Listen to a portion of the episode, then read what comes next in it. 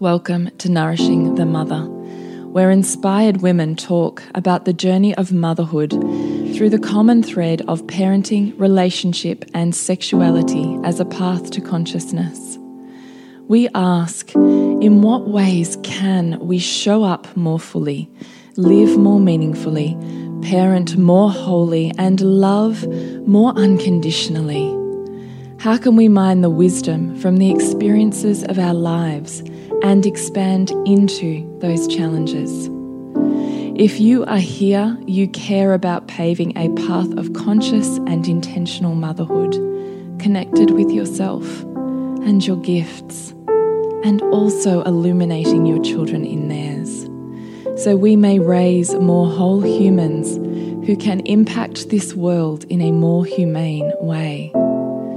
And if you feel like giving a little back to this free content, please become a patron of the show and receive extra member benefits for less than a coffee a month.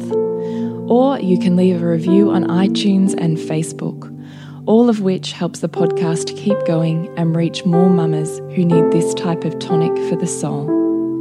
Head on over to patreon.com forward slash NTM podcast to find out more. We are Julie Tenner and Bridget Wood, and we are so grateful you're here.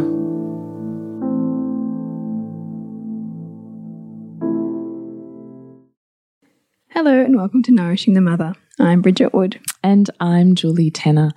And today's podcast is our top five most influential books individually for Bridget Mm. and Julie. And Bridget had a very hard time choosing I five. was, I was kind of slightly hyperventilating at the idea that I that I must only choose five. I was like, Bridget, we got to record. Can you just pick five? And you're like, I can't pick five. I don't think I can. it's just this. How do I pick five? It's like you asking me to choose between children. yeah, I get that. I get that. Yeah. I really do. Which is why we're actually doing this podcast, is because we often get asked for book recommendations or reading mm. lists Yeah, we do.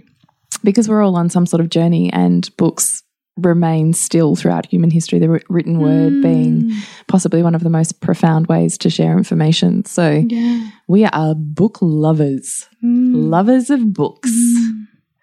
And we have a consistent list on uh, one of our patron pages that when you join for $3 a month, you get access to all of our quick reference toolkits and an continuously updated list of books as we complete As and we add to. read more, which, which I must say, more more and more of our books at the moment we consume through Audible rather than actually reading them as um the Yeah, print- yeah. As, as much as I love the printed word, the reality of, of motherhood can mean that of it's on the tiny children. I think when children get older, it gets easier to read the printed word because everyone's happy to sit down and, And have a and have a read.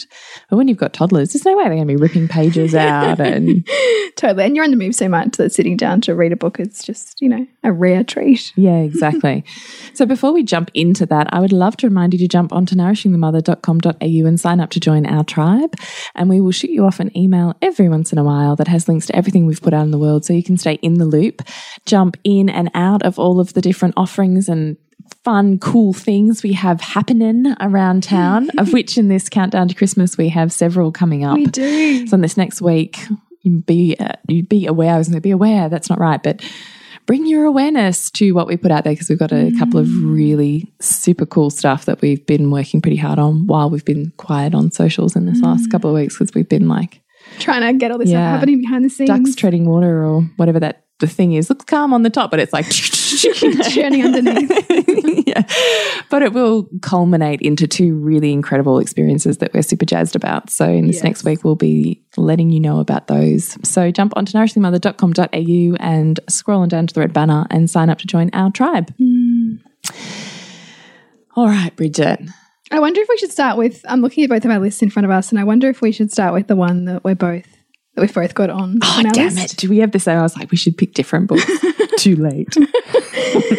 There's one that we both have, and it's called The Aware Baby Yeah. by Aletha Solter, who's the founder of Aware Parenting. Yes.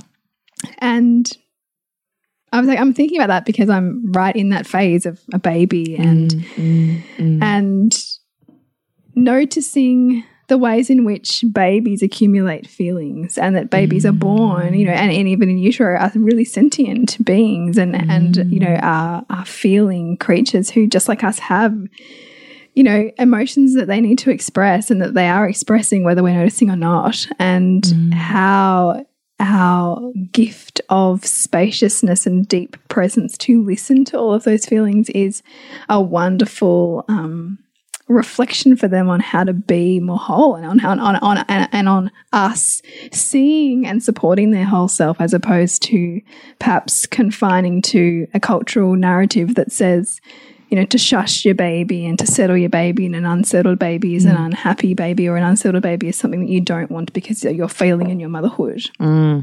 Um, I think that Because I think that's the problem, isn't it? That, Yeah. that, that's the meaning that that, we that, that we attach, as opposed to seeing a baby who has, you know, lots of feelings or lots of potentially um, Expression expression of feelings, is actually a baby who's looking and trying really hard to help he- to heal those and, and has to know, regulate their own nervous system. yeah, and that we can actually be a really great gift to our babies when we're able to be um, centered and an anchor for those feelings as opposed to trying to cover over them or shush them or feel anxious in ourselves or or do anything to essentially stop them to actually mm. trust their innate healing capability and their innate need to writhe around or mm. cry for half an hour and us not actually do anything to stop that. Mm. You know, I sat with my daughter today for because I knew I had no one else who was going to get into my space and I could get give her, you know, 100% of my time and attention. And I just sat there with her and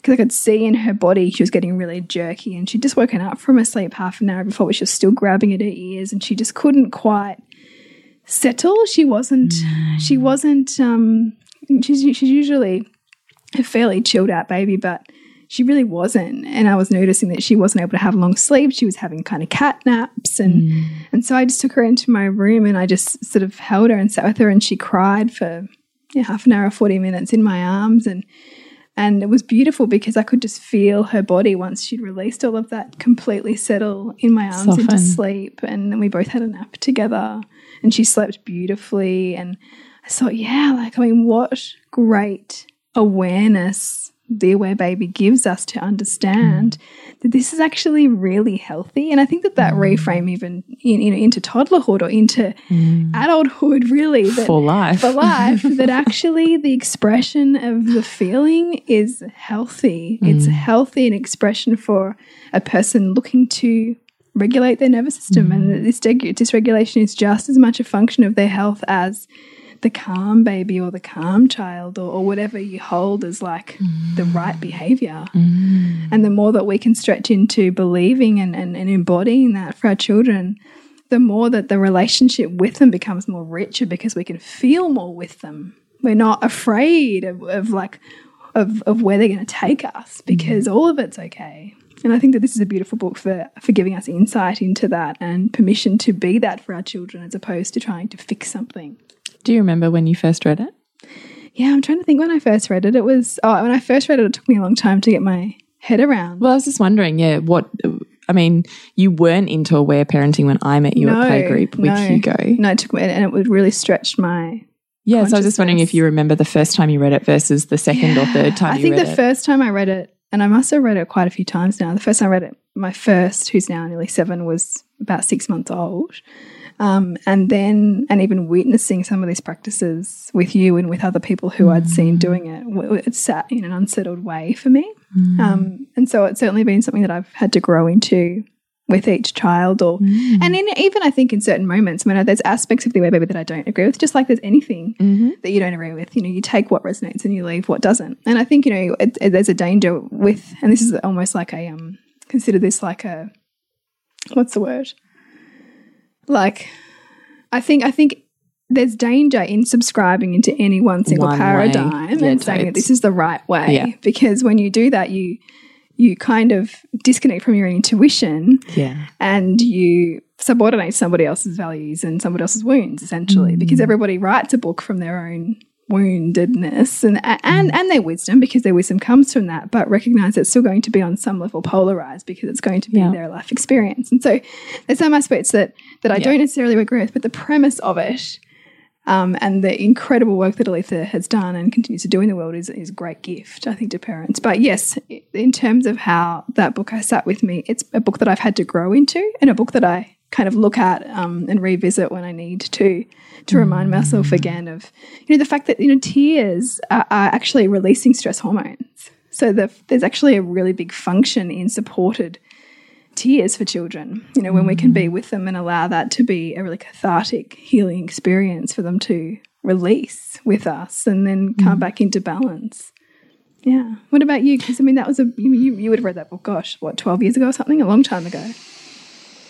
Well, my eldest was 18 months, I think, when I Yeah. first read it. So he's nearly 14. So, yeah, 12. Yeah. 12 years ago, 12 and a half years ago. And how did it land when you first read it? Oh, it actually, I totally just felt like an answer. It felt like the missing puzzle piece for me. Um, yeah. It, Well, and, yeah. and I guess too for you in terms of that, that came would have come to you at a time when you and me would have been meeting. I mean, you'd been in therapy for a long time as a result. oh my God, like 10 years. Yeah. So you've been in therapy for a really long time, and Yeah.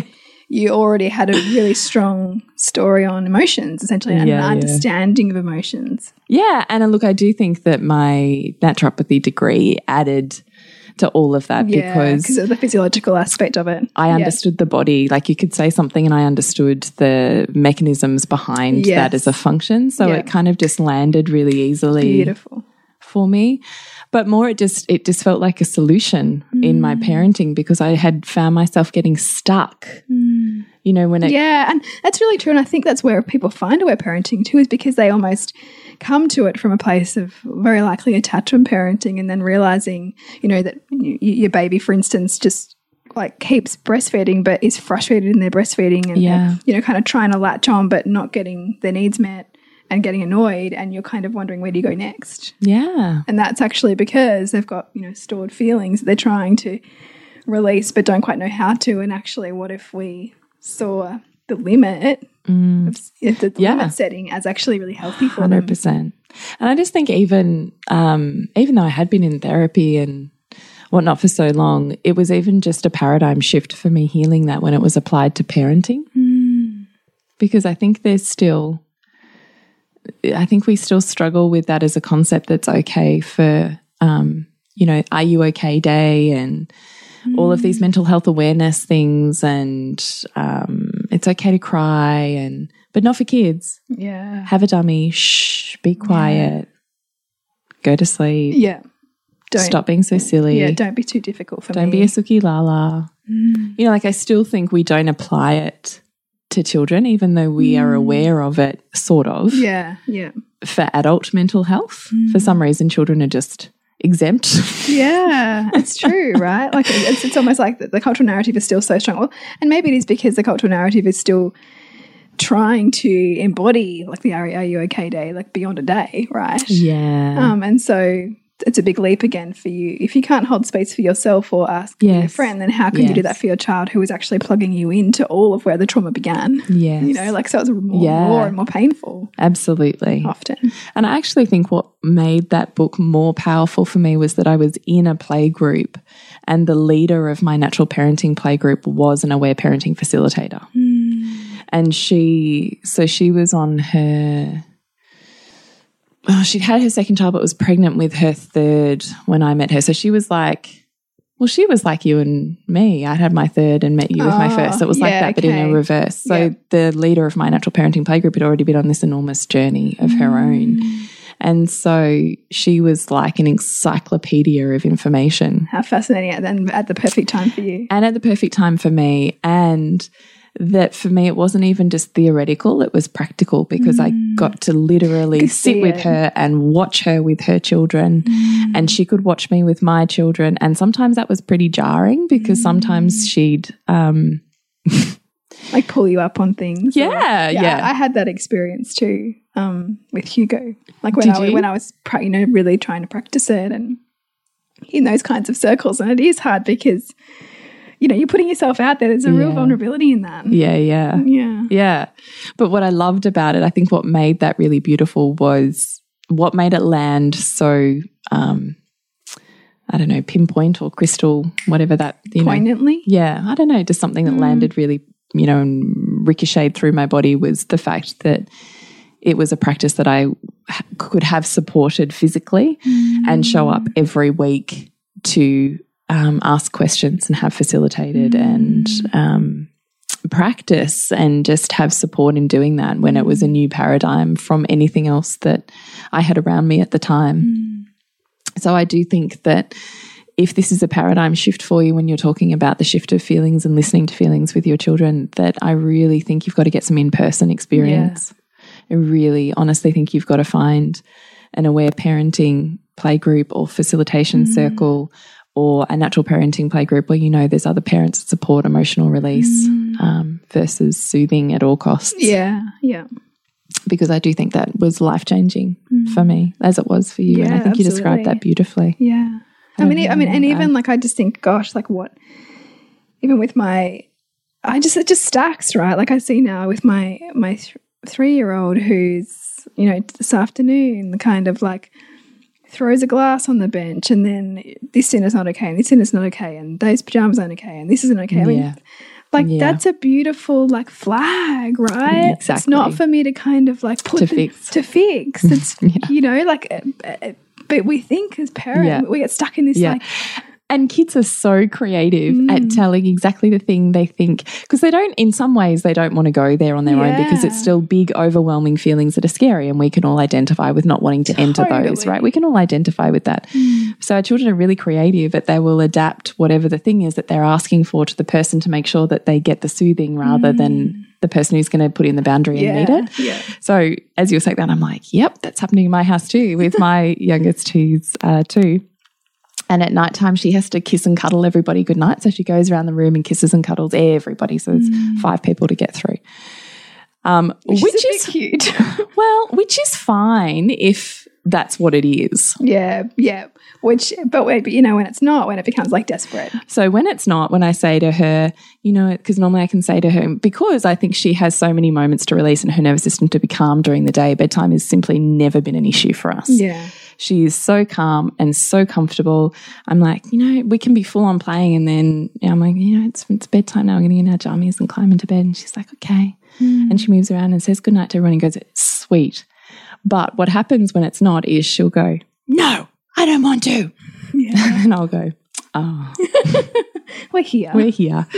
And then she'll want to run away or she'll want to play chasey. She'll giggle and squeal as I'm coming to get her because there's that level of it's another form of release and another form of my mm. I'm heightened and my nervous system isn't calm and regulated right now. Mm.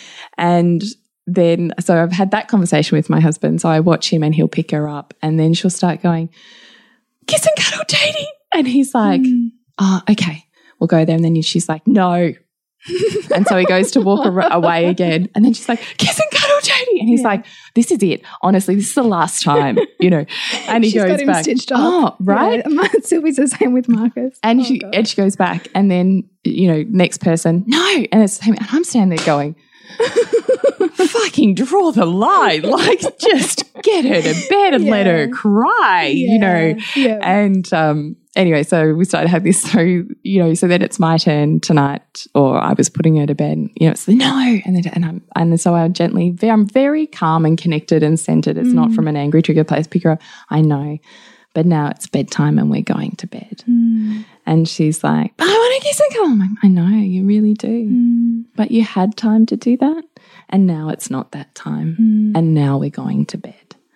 And that's enough for her to have this big release, which I'm looking at going, fantastic. Yeah. Let's get this out so we can have a really rested, beautiful. Because that's what I'm looking for. I'm not looking to Mm. band aid it constantly so that you stay happy and calm enough and happy and calm that you're in bed because she's not really. No, and also what I see that that feeds is a resentful mother, you know, who feels almost like bathing in their child's irritation. Well, I don't think well, it's not me that does it, but it's my husband who does that. And I'm, I don't know that he gets to the point of resentment. He just is like, let's just get her to bed because you know, I just have to do the things to get her calmly into bed. thing, like just kind and of I'm looking at that going, that's like that's coming back to bite me. yeah, or, or- Tonight, tomorrow, or like- you know, or they're waking up at night right? because it's not, it's still there. Yeah, yeah. Mm. So anyway, that's what I thought of as you mm. said that. Then, yeah, because kids are so creative, right? Because she can say exactly the thing that she knows is going to get my husband, and mm. he'll just continue to meet it and meet it and meet it until she's placated enough that she'll do the thing that he wants. She won't be comfortable in it, but she'll do it. So let's see where baby. That's book number one. I hope we're not going to. no, we can't do that for all of them. We'll be here all night. we'll be here all night. All right, what's your number two? Um, the Queen's Code. So this is a book by Alison Armstrong, and you and I find ourselves recommending this left, right, and centre to in our courses and in our soul driven motherhood group. Mm-hmm. And it's really a book all about. It's actually a story, um, all about the masculine essentially and communicating with the masculine. It's a book about communicating. Yeah, Yeah.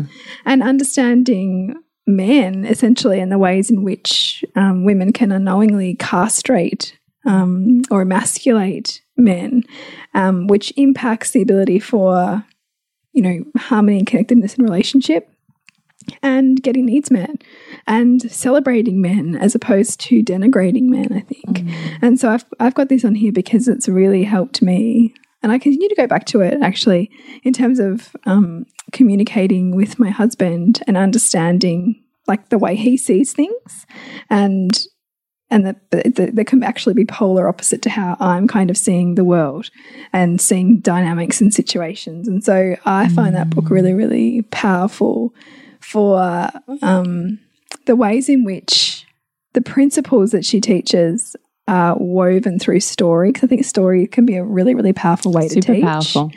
And I think it's it brings an entertainment um, piece to it, which I like. I mean, pretty much every other book I've got on here is a is nonfiction, um, but this is um, teaching through fiction, which I like. Mm, it's a nice break, isn't it? Yeah. Kind of like The Alchemist. Kind of the Alchemist, which was another one that I that I had on here. Yeah. Oh, you do have it on there. I do. Well, I kind of put six on here because I was a bit of a toss up. Um, yes, that was me for the Queen's Code. Keep you? going. Uh, the Values Factor. So this is a book by John Demartini, and I've got that on here because that's really representative of how influential his body of work has been on my life in the last probably five years, and that um, that really understanding how people's unique set of values and the, their evolving set of values um, really, for all of us, dictates how we see and view the world and ourselves and our relationships and how we show up in the world. And that that book really breaks it down um, into what values are essentially, where they've come from, how the voids, or the things that we most perceive are missing in our life, then feel what we're seeking to be fulfilled in our life, um, and that how that morphs and changes, and, and how that kind of connects in, I think, with you know our intuition and our bigger journey, our bigger a bigger desire to manifest things into the world. Um, so I had that there, and then also you know his his work and, and universal laws as well um, has been really profound for me. Just interrupting our podcast on our top five most influential books to let you know that you can find out more about being a patron of the show via patreon.com forward slash NTM podcast. And in exchange for your one or two coffees a month in support of the show, we would love to offer you some really juicy extras. One of those is a page with all of our quick reference downloadable guides, as well as an entire book list that is constantly updated. And the other is for pre release live screenings of the podcast itself, and then additional content after the podcast as we chat about what we chatted about. Mm. So get onto it at patreon.com forward slash NTM podcast. Mm. The next one I've got on here is Spiritual Midwifery. So this is by Ina May Gaskin. And this is a book that I read in my pregnancy with Pearl. And it was one of those ones. I mean, I don't know if I could have read it in my earlier mm. pregnancies. It's one of those ones that was It's divine. pretty out It's kind of divine timing, I think, that yeah. book. And for me, you know, that pregnancy was a time when I really consciously took myself completely out of the system of birth mm. because I really did not want to bathe my consciousness in anything that I didn't want to create. Mm. So, the spiritual midwifery is um, a book that it was written before her other book, which is called Ina May's Guide to Childbirth, which is also another excellent book. But spiritual midwifery, you know, has a whole bunch of um, stories of the farm, which is Ina May Gaskin's. Um, like essentially commune that they set up in the 70s. Yeah, it's pretty cool. Yeah. And so there's so much talk about um like in birth getting high. you know, like and essentially meeting. I just always love the open mouth kiss. I was always like, oh, it's so good. yeah, I get it. So it's kind of getting high, like meeting God and like birth as a spiritual experience and and it talked also a lot about um you know the the doctors in the area and, and how in fact they were the, the work of the farm, the work on the farm was actually um, influencing how birth was viewed, even in those regions, because the doctors were seeing how birth could be. birth could be. Mm. And then, I, so I, I- what it did for me was rewrite my um, view of birth outside the very dominant medicalized model that we have here. And I and I and it really had, well, yeah, it's super powerful because I think we need that as women. We need to unplug from Mm. the dogma that we're surrounded by. That's relatively new, only the last hundred years, really. Um, to see birth is actually a really, really normal and what what I've experienced is a beautiful experience. And so I loved that book for that. Mm. Yeah, I'm just reading what you've. Play. I, I because I love that sentence. So I wrote it down because I thought I didn't want to forget that. I felt like it was really powerful. Mm. I didn't want to bathe my consciousness in anything I didn't want to create. That's a super like that for me is like hits the nail on the head. it sums up birth creation. Totally. Well, it, it is, isn't it? And that was a really, and I think because because I'd had the experience of what I of what I kind of, you know, and I think about this as willingness, as a willingness piece. Like I wanted the home birth with Sylvie, but there was as, aspects of me that were not willing for it.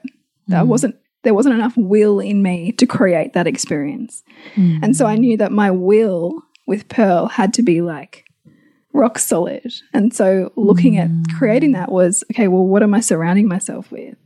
What am I allowing to enter into my consciousness? A hundred percent. What am I allowing to enter my consciousness? Yeah. Mm. Yeah.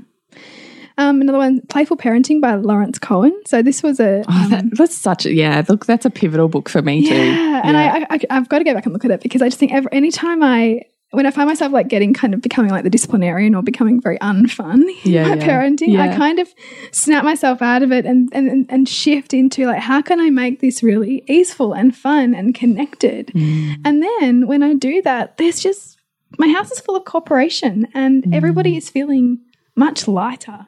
And I think I've been actually been to a workshop with him, which I took, which I went to when Sylvie was a baby, and it was just so great because it just it's such a paradigm shift from mainstream parenting, and and you really realize like how hard do we actually make this shit for ourselves, and how much BS is there out there because it doesn't actually need to be that hard. You know, so much of what he talks about, you know, means a really connected um, and whole family, which I really love. Um, so there's heaps of great ideas in that book for ways to play through challenges with your kids. Like I'm having lots of conversations with my daughter about um, she she's playing around with fuck, you know, like yeah, that's such a three year old thing.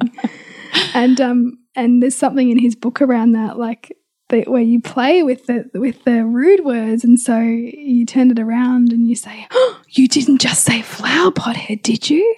You can't say that word." And what it does is it creates laughter, which then eases the you know the kind of unsettled feelings and the discomfort, tension. you know, and the, often the tension in your between parent and child around kids, kids pushing edges of language for you, and like that worked beautifully with Hugo. Sylvie's a bit like she's a bit funnier around it, but um, it really t- takes the power out of it and it brings you back into connection. So they're not having to bring you those things as much. That's just one example, but there's heaps of stuff around toilet training in there and just other tension, tr- typically tension filled parenting moments that you can um, really find much more ease through. I would say. Mm. Hmm. And I had on there The Alchemist, which is not, it's actually an extra book. But I mean, I can't even, I mean, this is still just like, how do you choose books? I don't know. I think we're a product so much of the books mm. that we read, mm-hmm. and that, that that's shifting and changing all the mm-hmm. time what we pull on. Mm-hmm. But The Alchemist, I think, is a really beautiful, it's almost like a parable in a way mm. because it's it's such a I mean it's been a few years since I've read it, but I, what really sat with me from it was just that that that it's almost like I wouldn't say labyrinthian in this story, but that you think you set out for this one experience, but you realize that that that, that it can be so. What just happened? Oh, I'm not sure. We're back. I just lost some bit of hearing there.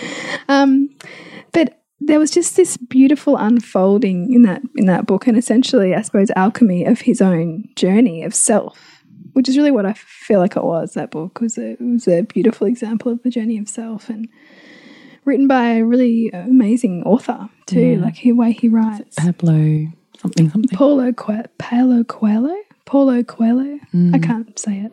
I listened to an interview once with him years ago where he was saying, Oh yeah. yeah, that he submitted that manuscript like something like got rejected like 56 times or something like that. Yeah. Yeah. Yeah. Everyone, um, every publisher that he submitted it to was like, there's nothing in here. This is just a stupid book, basically. And it was years, so he gave up on it. Wow. And it was years later that he dug it back out again when he's going through a box or something like that, sent it off to another three, and one of them said yes. And Gosh. And it's big it's like, you know, so well known now. yeah. Isn't that interesting? Mm. And how's that for I love uh, that, you know, determination too. Like just keep on going. Let's keep on plugging. Keep on going. Yeah. Stick to your vision even if nobody else sees it yet. Yeah. Mm. 100%. Mm. Tell us about yours. Um, okay, so I had the next most influential parenting book for me was Your Self Confident Baby, mm. which I actually only read by recommendation of you with baby number four. And it like fucking changed my world. I think that really did for you, didn't it? It was a big shift. Well, it- Massive. that was the really book. I, what I saw was it allowed you to be able to get your head around doing for and the gifts of like yeah, just not having it because my th I think part of the issue was my third baby was so hyper attached mm. that I like had PTSD mm. thinking about entering that level of attachment again, and I could not comprehend how to have a baby who didn't need me for entertainment and mm. need me for everything because that had always been my experience. Mm. Um, and so, reading the Self Confident Baby and really moving more deeply into the RIE philosophies, I really got this concept of how much I was inserting myself mm. and then getting pissy at them them needing needing me when I had already inserted myself enough that I had created laid- created an attachment or a dependency. I'd created the neural pathway for that. I'd created the the pattern and then was annoyed or the addiction and then was annoyed at the addiction. Mm, Like it's pretty classic. so in actual fact, the self-confident baby didn't necessarily teach me anything about my child, but taught me a lot about myself. Mm, And I actually always think that's the place to come at parenting from. yeah. We so want to do something to the other because it's easier than changing the self. Yeah, and it's easier to look outside yourself and make it outside yourself than have to to have that deep discomfort of meeting yourself and all of the ways in which you're co-creating the very thing that's so uncomfortable. Right. And actually having to change. Mm. And honestly, we run for the hills from change most of the time, unless we've got a big enough why or awareness. Mm. So mostly what that book taught me was was my own patterns. And then I actually started to just watch my mum with my kids and I was like holy fuck. I was like literally her inserting myself in everything and didn't even know. Like hadn't even seen it before. How interesting. yeah so interesting. And like I still have to remind myself of particularly when my children are um, really immersed in something that they're just doing on their own where you know when they look just so angelic and it's just such a beautiful blissful experience And you want to be part of it. and you want to be part of it. Mm. I have to totally remind myself that this is theirs mm. and I'm doing them a disservice by mm, stopping whatever's happening for or them in- now. interrupting their flow. Interrupting them, yeah, and and inserting myself into it for my benefit because it's not for mm. their benefit. It's I want to be in that. It's not because they need me to be. Mm. so I'm just getting my dopamine hit by hitting on someone else. you know? Yeah, I totally do. Yeah. So I totally loved that book for all of those reasons and mm. for the constructs that it has really, um, I think, much more spelt out and formed parameters on what independent play and independent sleep looks like with a lot mm. more evidence. I, coming from attachment and aware parenting basis, you're still looking a lot at co-sleeping and Yes. blah, blah, blah. And, and and kind of needing to touch, like touch being paramount. Right. And this really offers like with with an equal amount of weight an alternative to that. And also coming at it um, from a really respectful place too. yes, yes, that's what I mean. Yeah. So I mean, I, th I think that both. I think that the OP baby and your self confident baby are both. I mean, I would say recommended reading definitely for any. Oh my god, every I every- wish every- Mm. I wish I had known about those books back with my and first. read both the two of them because there are there are lots of times when they will contradict each other. Yeah, And I think that that's good Yeah. because I think within that you find You your get to own- self-check. Yeah, you find your own. And so I, I'm often thinking about your self confident baby and Magda Gerbers, who's the author, has words around it when I'm feeling a little bit anxious when I'm watching my baby like trying to self soothe herself, like trying to self soothe in bed. Like, because sometimes I'll have this edge of my old programming, which would be to pick up and feed or pick up they need me, as opposed to trusting that give her a couple more minutes That she's moving and doing everything that she's she doing needs to everything do. she needs to do. I don't need to enter this. I can Yeah. observe her, regulate myself, Yeah. and trust her. Yeah. Do you know something that's interesting as you're saying that? Because I can remember that. I Mm. can remember that feeling um, with number three, but more poignantly with number four as well, when I was like way more aware of it. Mm. And I remembered from years ago um, being really affronted by one of my friends who was doing the save our sleep kind of stuff. Oh yeah, And she was, you know, spruiking the, you know, advice to this other group of mums in her mother's group. And one of it was, well, you just have to leave them. You just walk out and you don't go back in for four minutes. And I remembered it, right? Four minutes had stuck in my head. And I was like traumatized back then by that. You know, you Yeah. just leave them no matter, like, you just, it's a clock. You know, Yeah. like, what? But what I realized was after reading The Self Confident Baby and what you're talking about now is four minutes is kind of magic. If I just Mm.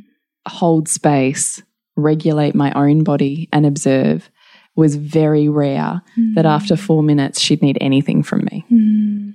All I had to wait was four minutes. That didn't mean I had to close the door, walk out, and whatever And- the fuck happened, I didn't go and, back and in. forget about her experience in there. Like you know, the, it's very different to kind of like close the door, walk away, do your own shit, yeah. versus you know, I'm observing. Yeah. I'm not interrupting.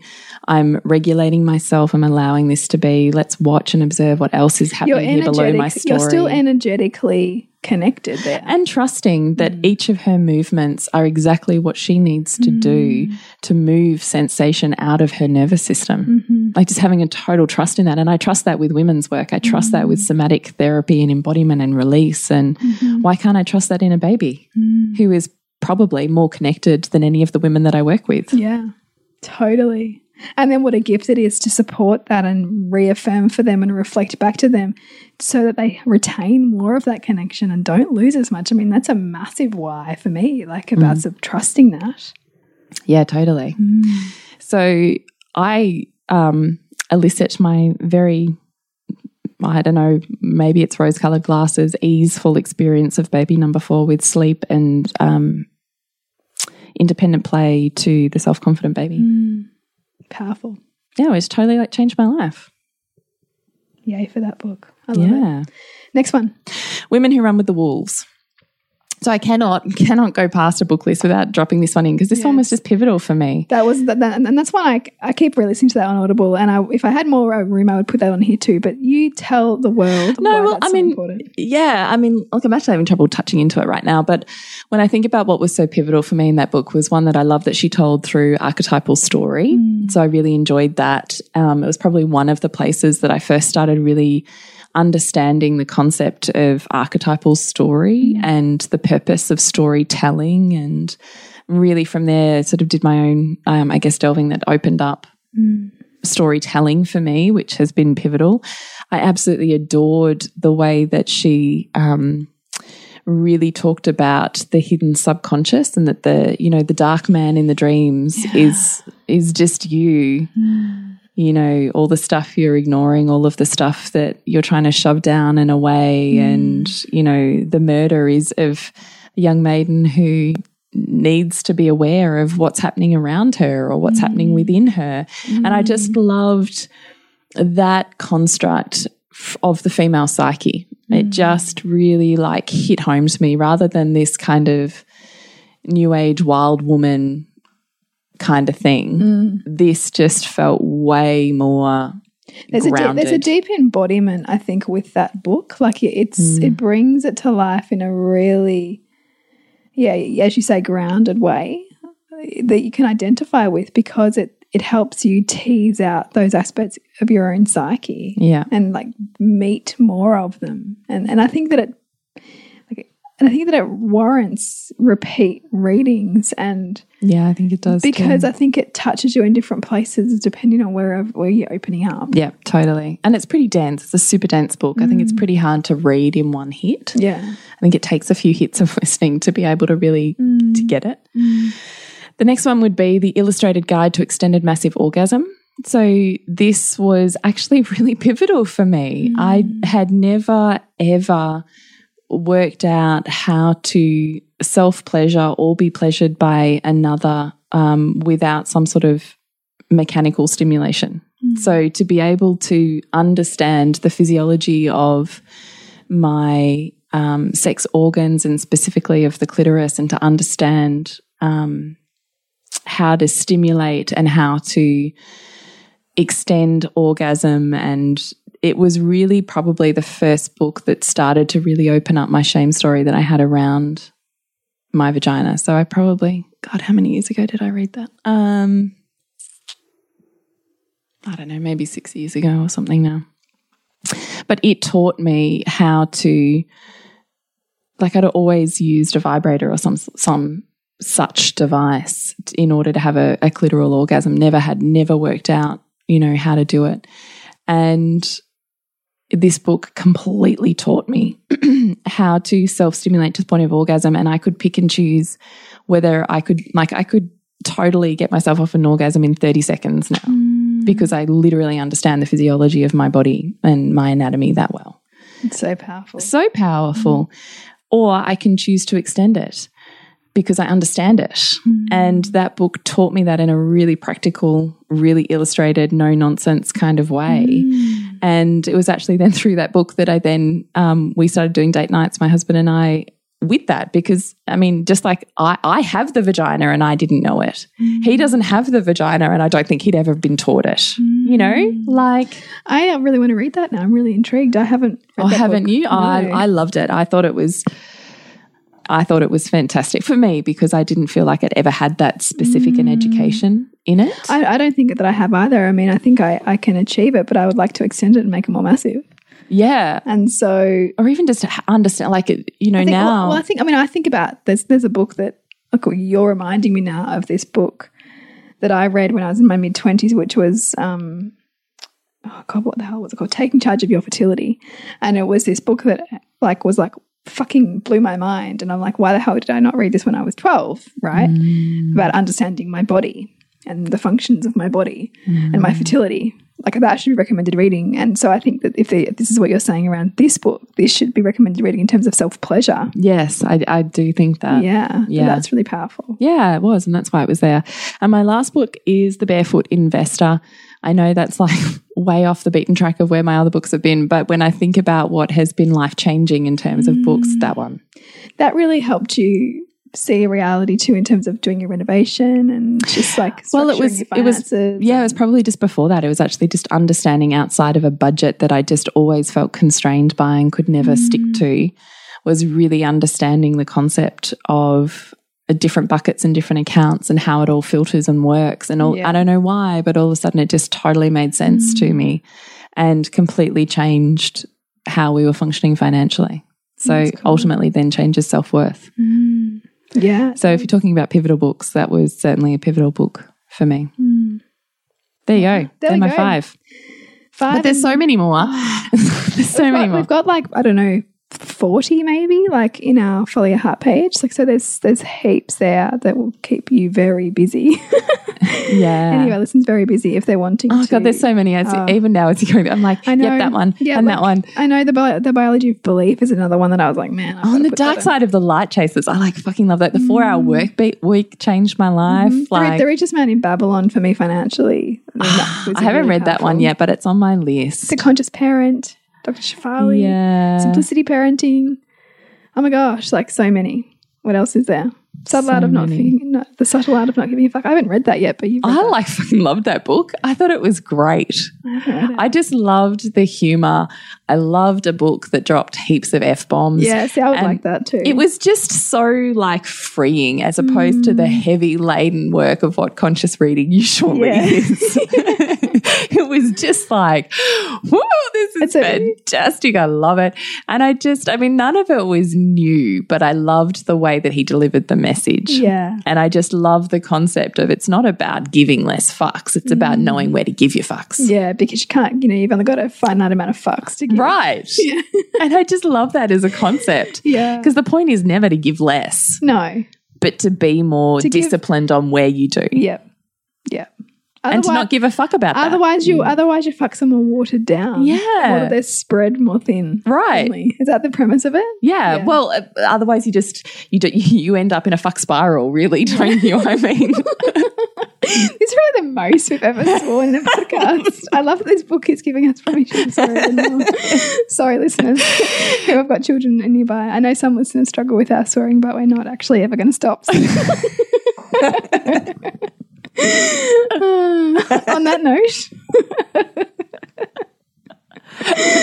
I have these aspirations. I'm like, I'm not going to swear today.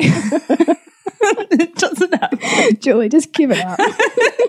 Give less fucks. give us fucks in the fuck.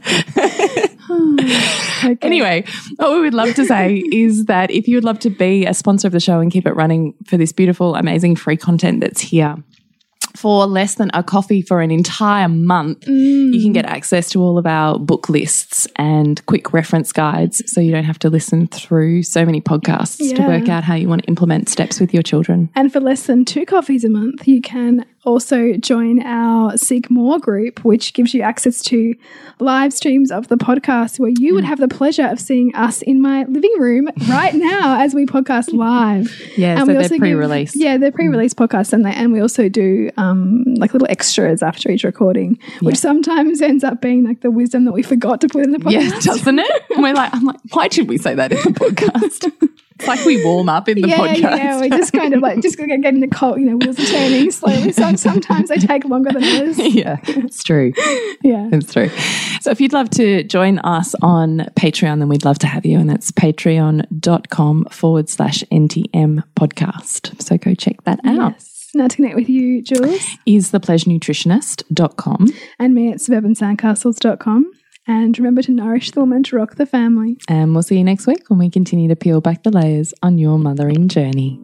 And if you want to support Nourishing the Mother and all the late nights, the early mornings, the blood, sweat, and tears we pour into our art, then please go to patreon.com forward slash NTM podcast and become our patron. As a patron, you're helping all of the cost of operating this podcast, the hosting, the editing, the transcription, helping all of that be completely covered, and joining a community who are all about honouring our journeys and continuing to open. The more support we have, the longer we can last. So become a patron. We'd love to have you. Go to patreon.com forward slash NTM podcast. We literally couldn't do this without you. Thank you so much for listening, and please share this podcast with anyone you think it would be medicine for.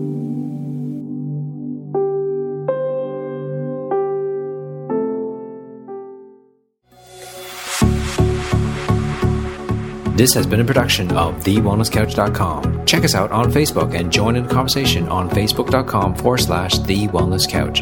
Subscribe to each show on iTunes and check us out on Twitter. The Wellness Couch, streaming wellness into your lives. Whilst the Wellness Couch presenter endeavor to provide accurate and helpful information to their listeners, these podcasts cannot take into account individual circumstances and are not intended to be a substitute for health and medical advice from a qualified health professional. You should always seek the advice of a qualified health professional before acting on any of the information provided by any of the Wellness Couch podcasts.